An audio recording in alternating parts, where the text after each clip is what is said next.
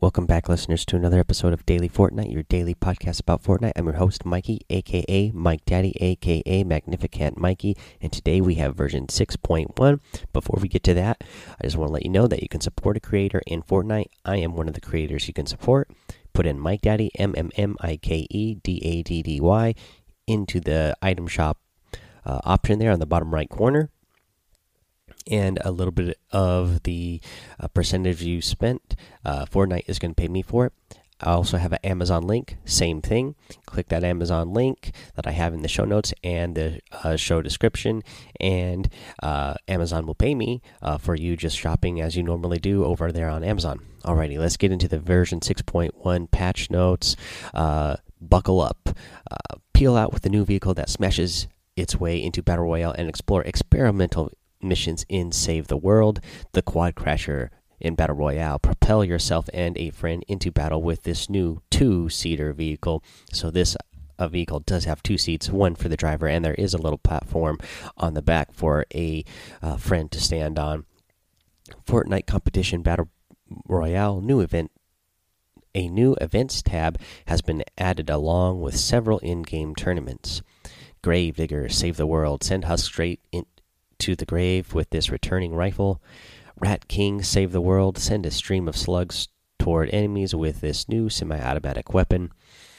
Beta Storms save the world. Participate in beta storms as a way to test new content and experimental ideas. Let us know what you think about this limited time mission alert. General weapons and items. Bug fixes. They fix small props accidentally blocking trap placement. Uh, I had I have been having a hard time uh, placing traps recently. I didn't know I didn't know what was happening, but I guess it was just uh, when I was inside of buildings and there was uh, little you know chairs or desks or whatever. Uh, those were what was blocking me from setting the traps, and it looks like they fixed that problem.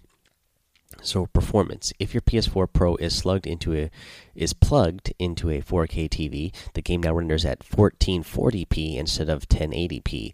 The audio memory optimizations for Xbox and physics optimizations for cosmetic items.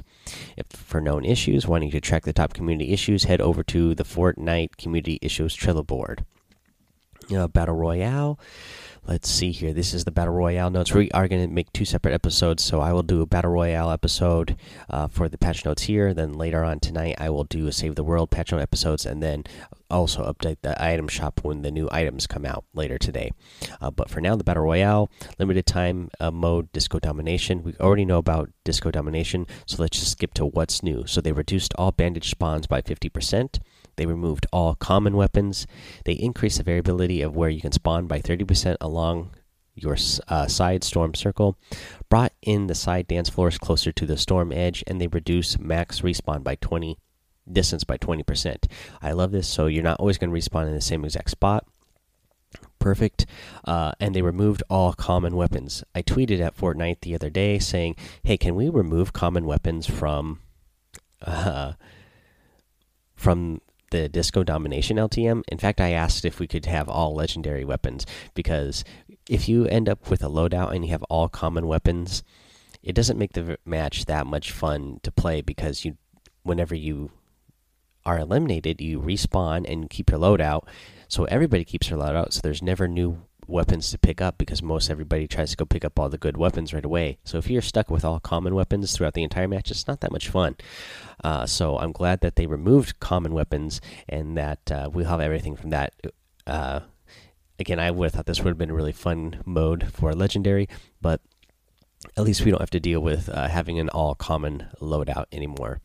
So here's weapons and items. The Porta Fortress has been disabled as we work to resolve some issues related to this item. Drop uh, rate of the Portafort increased from 3.05% to 4.89% while Portafortress is disabled. The goal is to keep the drop rate of Portafort the same as if both items were enabled to help with the completion of challenges. Bug fixes. Uh, the guided missile no longer fires the wrong direction. Players will no longer permanently attach to a supply drop when grappling to it. Attempting to fire while reloading the double barrel shotgun will no longer interrupt the animation, and weapon equip animations no longer skip while when simultaneously attempting to sprint and target. Um, let's see. That's kind of funny. The guided missile was uh, firing the wrong direction. I've uh, I've never had that happen to me. Uh, I know a lot of you listeners out there have a really good memory. I don't. You remembering movies and things like that, but that reminds me of uh, whatever movie that was that Pauly Shore was in back in the '90s, where uh, he had to go join the army. Maybe it was in the army now or something like that. But anyways, uh, they are trying to shoot uh, a rocket launcher. They face it the wrong direction. Uh, let's see here. Here's the gameplay. The Quad Crasher seats two players. You build boost just by driving. Unleash that speed with the hotkey once you filled your boost meter. Smash through buildings while boosting. Boost off ramps or cliffs to catch sick air. Launch players into the air by smashing into them. Now, this thing is pretty awesome. I've seen a little bit of the gameplay from the trailer they have, and uh, yeah, it doesn't even look like you have to build up that much boost, uh, and you can uh, smash through metal. So that's pretty awesome. Can't wait to get in the game and actually uh, play around with it and see how it actually works. How much boost you have to have build up to um, build the middle. But based on the little trailer that they showed, you only had to get to, to maybe one level of boost. I don't know, but I also like that you don't have to be drifting to build up your boost. It just builds up automatically, and then you press a button to unleash unleash the boost. That is awesome. Okay, let's go on. You can now view and change edit controls separately from combat and build controls in the controller menu. The PS4 controller lighting will match player marker color. You can now set building mode sensitivity for controllers in the options menu.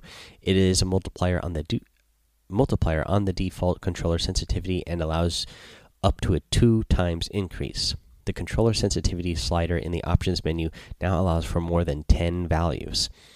Uh, they added an option to Builder Pro that allows for building as soon as you switch to the piece instead of selecting first and then replacing. This allows for faster building without a preview.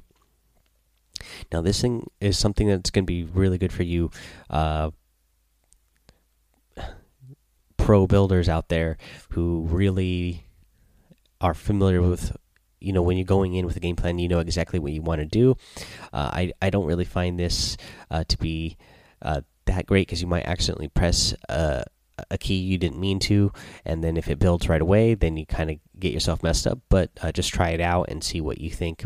So they added an option that allows for edit hold timing to be adjusted. The opening the emote uh, picker with a controller will happen when the button is released. While holding the button uh, while holding the button will replay the emote that was last played. Uh, bug fixes. They fix inconsistencies with the damage trap not triggering properly.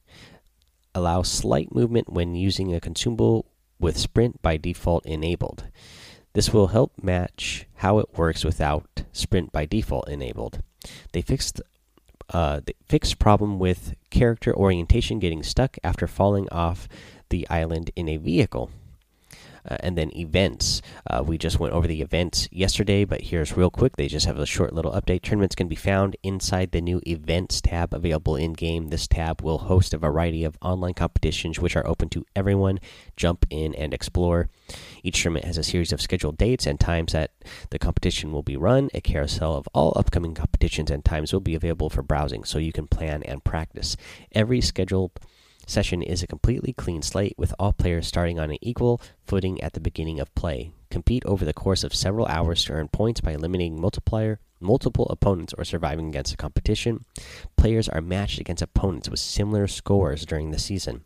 Score enough points during any scheduled event session and you'll earn a golden pin for that tournament.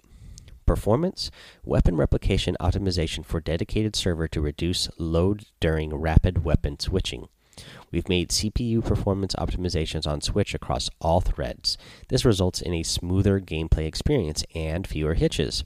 Improve multi-threading during heavy physics sim uh, simulation. Audio. Celebrate with style. The music selected in your locker will now play after getting Victory Royale. So remember, this season in the Battle Pass, uh, you can unlock different uh, music for the lobby so whatever music that you have selected there is going to play whenever you get a Victory Royale now. Remove the Doppler effect from the audio when players are gliding. Uh, that was a good idea. I liked that they thought about using the Doppler effect, but I actually, it did make it harder you could hear that somebody was going by, but it made it hard. Like you couldn't really tell what direction they were coming from as they were going by. So I would find myself constantly like looking around in circles. Like I could hear somebody, but I couldn't tell exactly which direction they were coming from. So they went ahead and moved that, removed that. They added an in air loop to grenade launcher projectiles so you can spatialize where they're coming from. And they improved grenade launcher bouncing audio. They reduced volume of medium range grenade explosion sound. Bug fixes the cube ambient sounds no longer randomly play in the middle of matches. Sequential explosion sounds no longer interrupt each other. Added missing audio to the compact SMG and SMG medium distant fire sounds. Audio pops no longer occur when emote music loops, and they re added the audio cue that plays before a new wave of supply drops start appearing. Uh, the UI bug fixes they fixed some touch issues for the controller mapping screen on Switch. They fixed a bug where the player's banner in the top bar would not update when changing the banner in the locker. They made the reticle hidden when skydiving. Fixed issues with the display of the on screen map and inventory inputs. Fixed issues with the touch functionality on the map for the Nintendo Switch. Resources buttons no longer cancel auto run. So it looks like we got a bunch of fixes here for the Nintendo Switch. So I know my Switch friends are going to be happy about that that their game will be running smoother. Uh, so, art and animation, bug fixes, cosmetic items that change in some way over course of a match are now marked as reactive in game. Example: a harvesting tool that changes as you get eliminations. They fixed visual display issues with cosmetic music items.